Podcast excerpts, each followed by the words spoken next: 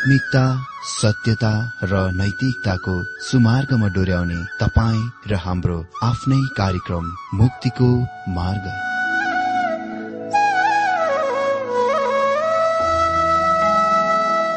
आदरणीय श्रोता यस मुक्तिको मार्ग कार्यक्रममा हार्दिक स्वागत छ आशा छ यस आत्मिक कार्यक्रमद्वारा जीवनमा आत्मिक आशिष अलौकिक शान्ति र आनन्द प्राप्त गर्नुहुनेछ।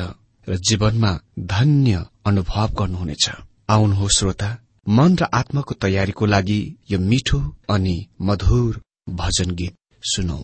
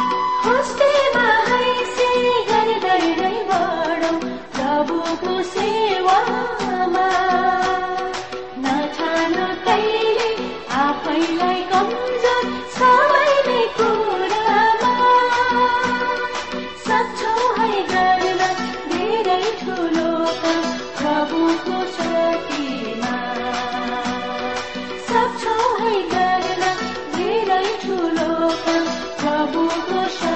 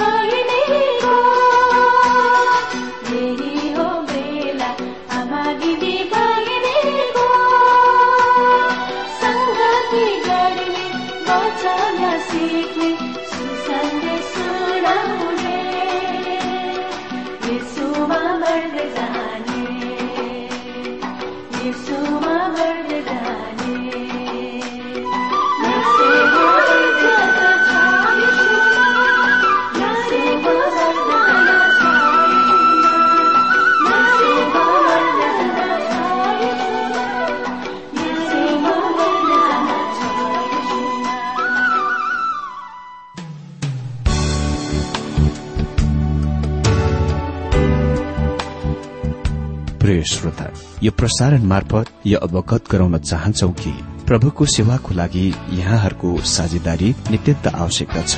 यहाँहरूले प्रार्थनाको साथसाथै आर्थिक सहायता गर्न अनुरोध गर्दछौ। तपाईँहरूको सानो भन्दा सानो भेटी किन नहोस्? हामी प्रभुको नाममा स्वीकार गर्नेछौ प्रभुको सेवाको लागि। तपाईँहरूको यो सानो लगानीले कसैको जीवनमा भिन्नता ल्याउँछ अनि प्रभुको महिमा हुन्छ। प्रभु तपाईँहरूलाई महान गरी आशिष दिनुहुनेछ। इच्छुक श्रोताहरूले तपाईँको इच्छा भेटी हाम्रो ठेगानामा पठाउन सक्नुहुन्छ जुन ठेगाना हामी कार्यक्रमको अन्तमा दिनेछौ। प्रिय श्रोता मित्र यहाँहरूलाई मेरो जयमसी तथा नमस्ते अनि हार्दिक स्वागत छ आजको यो बाइबल अध्ययन कार्यक्रममा। श्रोता अघिल्लो दुई दिनमा हामीले अन्तिम दिनहरूको भविष्यवाणी विषय अन्तर्गत बाइबल अध्ययन गरिरहेका थियौं। आज हामी मिका चार अध्यय नौदेखि तेह्र पदबाट सर्वप्रथममा देख्नेछौ निकट भविष्य। यस बिन्दुमा बादलले सूर्यलाई छेल्दछ ढाक्दछ। धेरै बाइबल विद्वानहरू विश्वास गर्दछन् कि अर्को निम्न दुई पदहरूले बाबिलको कैद वा बन्धुवाको संकेत गर्दछ। आउनुहोस् मिका चार अध्यय नौ र दश पद हेर्दै अगाडि बढौं। यहाँ यस प्रकार लेखिएको छ अब तिमी किन चिच्चै चिच्चै रुन्छौ? के तिम्रो राजा छैनन्? के तिम्रो सल्लाहकार नष्ट भयो? र प्रसव वेदनामा परेकी स्त्रीलाई जस्तै तिमीलाई पीड़ाले पक्रेको छ।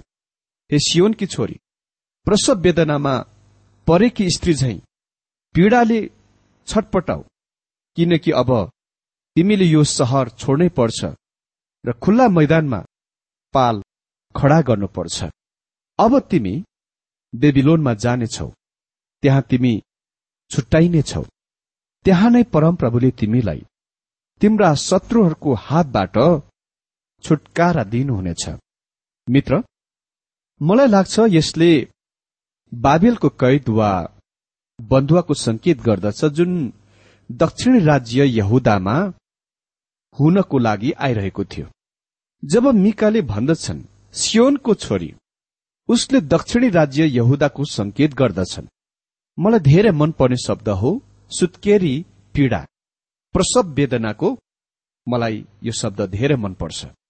स्पष्ट भावमा भन्दाखेरि सर्वप्रथममा सुत्केरीको प्रसव वेदना पीड़ाको बारेमा बोल्न सक्दिन म। मानव परिवारका आधाले जान्दैनन् कि प्रसव वा सुत्केरी पीड़ा कस्तो हुन्छ के हो? खालि त्यसको स्त्रीहरूले मात्र जान्दछन्। मैले यसको बारेमा जानेको खालि मेरो पत्नी प्रसव सुत्केरी पीड़ामा भएर गएको देखे र यसको बारेमा अरूले र मेरो पत्नीले भनेको कुरा मात्र सुनेको छु। सुत्केरी वा प्रसव पीड़ा अति नै दर्दनाक भयानक कष्टदायक हुन्छ। त्यो कुनै त्यस्तो कुरा हो जुनको कुनै मानिसले लामो समयसम्म सहन सक्दैन। यो क्षणिक समय हुनु पर्दछ। यहाँ मिकाले हामीलाई नबुकनेश्वरले यरुसलेमलाई लिएको तस्बिर दिन्छन्। नबुकनेश्वर त्यस सहरमा तीनपल्ट आए र तेस्रो पल्ट उसले मन्दिर क्षेत्र नष्ट गरे र त्यसलाई विध्वंस र कंकडमा छोडिराखे र त्यसको जलाए भस्म गरिदिए। यहुदाका मानिसहरूका दुःख कष्ट भोगाई सुत्केरी व्याथामा प्रसवमा स्त्रीको पीड़ा कष्टको रूपमा वर्णन गर्दछ। यो छोटो संक्षिप्त क्षण हुनुपर्ने थियो। नत्र त्यो राष्ट्र निरन्तर यस पृथ्वीको सतहमा अस्तित्वमा रहने थिएन। त्यस प्रकारको कष्ट समस्या सदैको लागि रहिरहन सक्दैनथ्यो र रहिरहनु हुँदैनथ्यो किनभने मानिसहरूले त्यसको सहन गर्न सक्दैनथ्यो त्यो अति नै धेरै डरलाग्दो कष्टदायक पीड़ादायक र भयानक हुने थियो।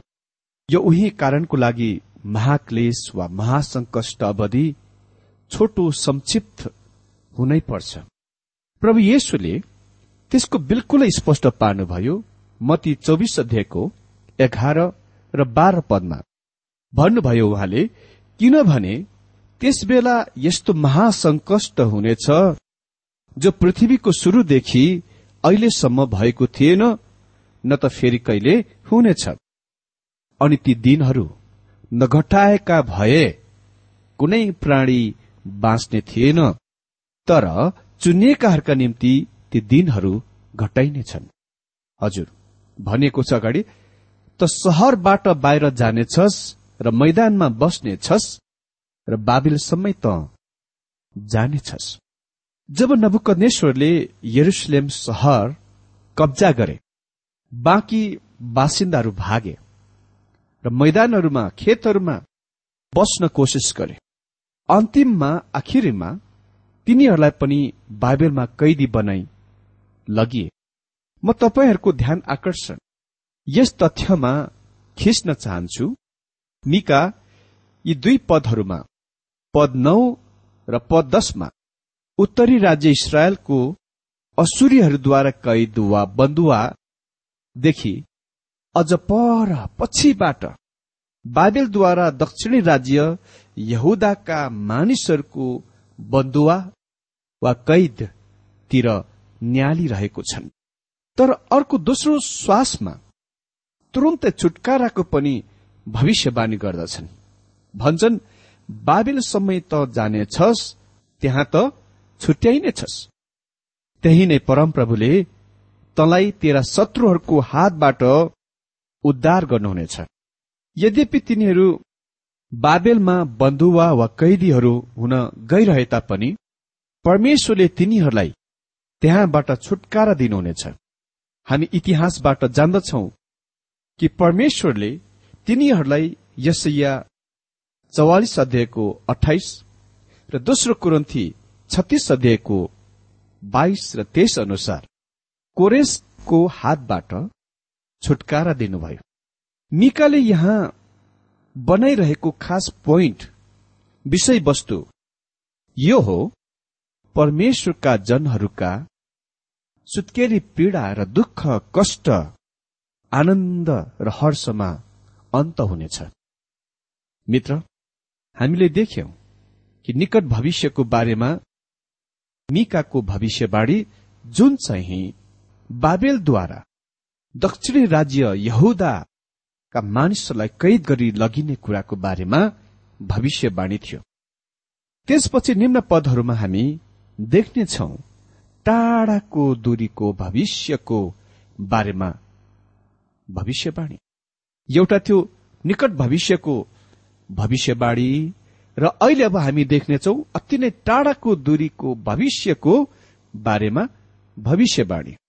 अहिले यो अन्त गर्ने खण्डमा मिका निकट भविष्यदेखि अति नै धेरै दूरीको टाढाको भविष्यतिर अगाडि महाक्लेश महासंकष्टको समयतिर लम्कन्छन् बढ्छन्। र विशेष गरेर अर्मगदोनको अन्तिम युद्धतिर बढ्दछन्। एघार पदमा यस प्रकार लेखिएको छ तर अहिले धेरै जातिहरू तिम्रो विरुद्धमा भेला भएका छन्। तिनीहरू भन्छन् त्यो अशुद्ध नै भइरहोस् र हाम्रो अहंकारी दृष्टिले सियोनलाई हेरोस्। धेरै जातिहरू भेला भएर तेरो विरुद्धमा भनोस् धेरै जातिहरूको उल्लेखले यो बिल्कुल स्पष्ट पार्दछ कि मिका बाबेलको आक्रमणबाट अति नै टाढातिर बढेका छन् र यहाँ केही अर्को कुराको बारेमा कुरा गरिरहेका छन्। धेरै जातिहरू वा धेरै राष्ट्रहरू यरुसलेमको विरुद्ध भेला हुनेछन् भनेर अरू धेरै भविष्य वक्ताहरूले पनि उल्लेख गरेका छन्। उदाहरणको निम्ति युवल तीन जकरिया बाह्र अनि चौध इजिकेल अडतिस र उन्तालिस अध्यय सबैले महाक्लेश अवधिमा आर्मगदोनको युद्धतिर संकेत गर्दछ। एघार पदमा लेखिएको छ तर अहिले धेरै जातिहरू तिम्रो विरुद्धमा भेला भएका छन्। तिनीहरू भन्छन् त्यो अशुद्ध नै भइरहोस्। र हाम्रो अहंकारी दृष्टिले सियोनलाई हेरोस् अनि बाह्र पद। तर तिनीहरूले परमप्रभुको विचारलाई जान्दैनन्। तिनीहरूले उहाँको शक्तिलाई बुझ्दैनन्।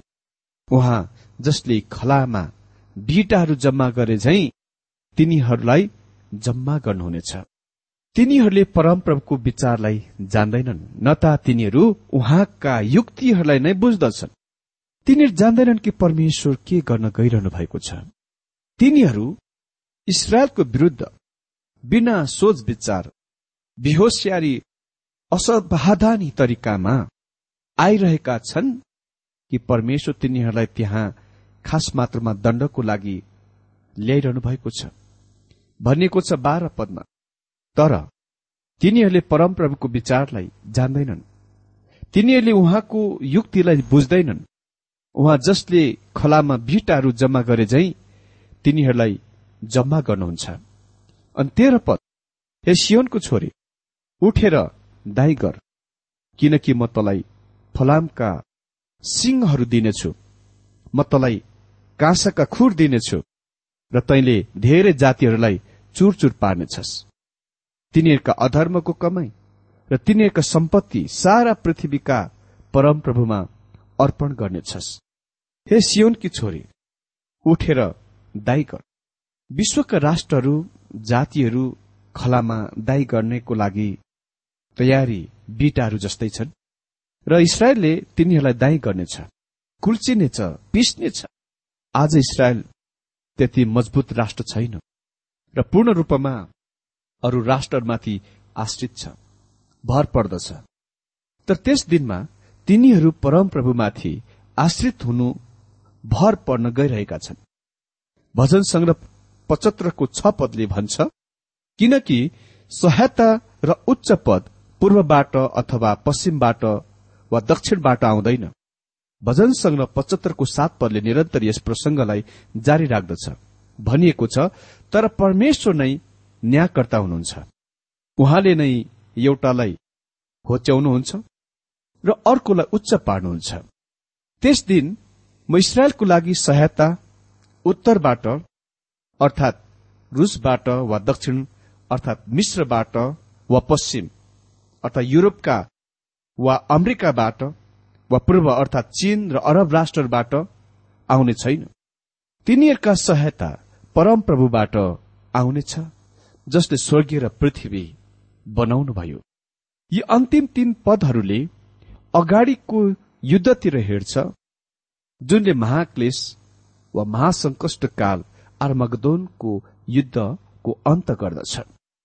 मित्र हामीले यो मिका चार अध्यायमा देख्यौं। मुख्य विषयको रूपमा अन्तिम दिनहरूका भविष्यवाणीहरू। अनि हामीले यस प्रमुख विषय अन्तर्गत देख्यौं निकट भविष्यको बारेमा भविष्यवाणी र त्यसपछि अति नै दूरी टाढामा रहेको भविष्यको बारेमा भविष्यवाणी।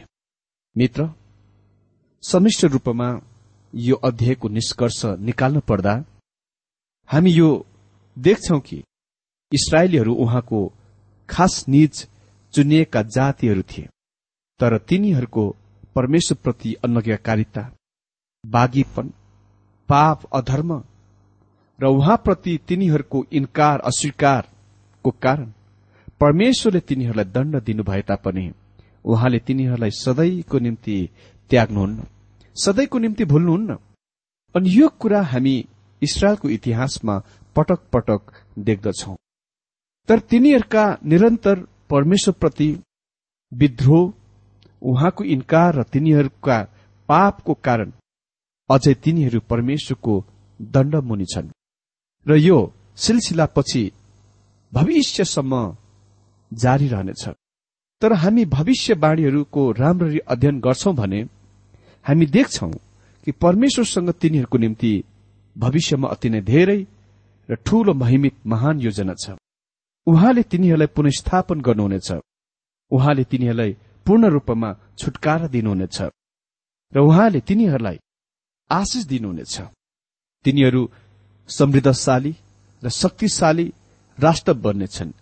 किनकि तिनीहरू उहाँ कहाँ फर्किन गइरहेका छन्? उहाँमा पूर्ण रूपमा आश्रित हुन गइरहेका छन्। र उहाँले तिनीहरूलाई सहायता गर्नुहुनेछ अनुग्रह गर्नुहुनेछ। अनि आजको यो भविष्यको भविष्यवाणीको बारेमा हाम्रो वचन अध्ययनलाई हामी विश्वासीहरूको निम्ति आत्मिकीकरण गर्दाखेरि म यो याद दिलाउन चाहन्छु कि परमेश्वरले हामी उहाँका सन्तानहरूलाई कहिले पनि सधैँभरिको लागि त्याग्नुहुन्न भुल्नुहुन्न। हुन सक्छ यो जीवनमा हामी कहिले कहीँ लड्न सक्छौ गिर्न सक्छौ। हामी उहाँलाई विफल गर्दछौ तर परमेश्वरले हामीलाई हाम्रा आफ्ना पाप अधर्म अनुसार व्यवहार गर्नुहुन्न। विफल गर्नुहुन्न। बरु आफ्नो अनुग्रहमा हामीलाई स्वीकार गर्नुहुन्छ ग्रहण गर्नुहुन्छ र हाम्रा आफ्ना पाप अधर्मको क्षमा गर्नुहुन्छ। जब हामी उहाँ कहाँ पश्चापी हृदय लिएर फर्कन्छौं र उहाँमा विश्वास र भरोसा गर्दछौं यो नै हाम्रो परमेश्वरको अनुग्रह र प्रेमको विशेषता हो। अनि हामी हाम्रो असलपन भलाइपन सद्गुणको कारण हामी कहिले स्वर्गीयमा हुन गइरहेका छैनौं। यदि हामी स्वर्गीयमा हुन गइरहेका छौं भने खालि उहाँको दया अनुग्रहको कारणले हो। अनि उहाँको अनुग्रह आफ्ना जनहरूको निम्ति पर्याप्त छ। म यसको निम्ति परमेश्वरलाई धन्यवाद दिन्छु। आजको यो बाइबल अध्ययनद्वारा हरेकलाई परमेश्वरले आशिष दिनुभएको होस्।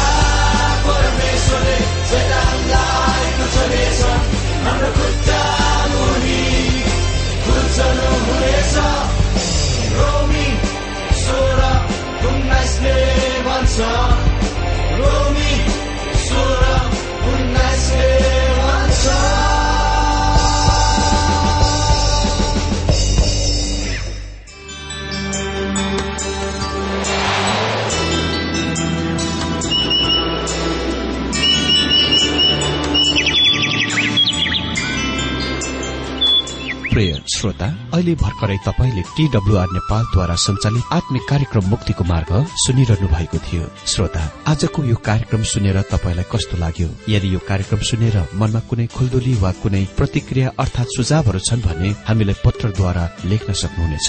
हामी हृदयदेखि नै स्वागत गर्नेछौ स्वीकार गर्नेछौ साथै बाइबल सम्बन्धित प्रचारहरू कार्यक्रम सारणीहरू हामी अनुरोधमा पठाउन सक्छौ। अनि तपाईँसँग कुनै प्रार्थनाको विषय छन् भने हामीले तपाईँको लागि प्रार्थना गरेको चाहनुहुन्छ भने प्रभुमा आफ्नै परिवार सम्झेर हामीलाई पत्रमा लेख्न सक्नुहुनेछ। तपाईँको लागि हामी प्रभु येशुसँग प्रार्थना गर्नेछौ। अधिक जानकारी र पत्रचारको लागि हाम्रो ठेगाना यस प्रकार छ। कार्यक्रम मुक्तिको मार्ग जीपीओ नम्बर उनानब्बे पचहत्तर इपिसी पच्चिस एकसठी काठमाडौँ। ठेगाना एकपल्ट सुन्नुहोला। कार्यक्रम मुक्तिको मार्ग जीपीओ नम्बर उनानब्बे पचहत्तर इपिसी पच्चिस एकसठी काठमाडौँ। हाम्रो इमेल एड्रेस हो TWR Nepal at Yahoo dot com साथै यस नम्बरमा एसएमएस गर्न सक्नुहुनेछ। अन्ठानब्बे चार सत्तरी पैंतिस छ सय उनासी नौ आठ चार सात जिरो तीन पाँच छ सात नौ। हुन्छ श्रोता आजलाई हामी विदा चाहन्छौ।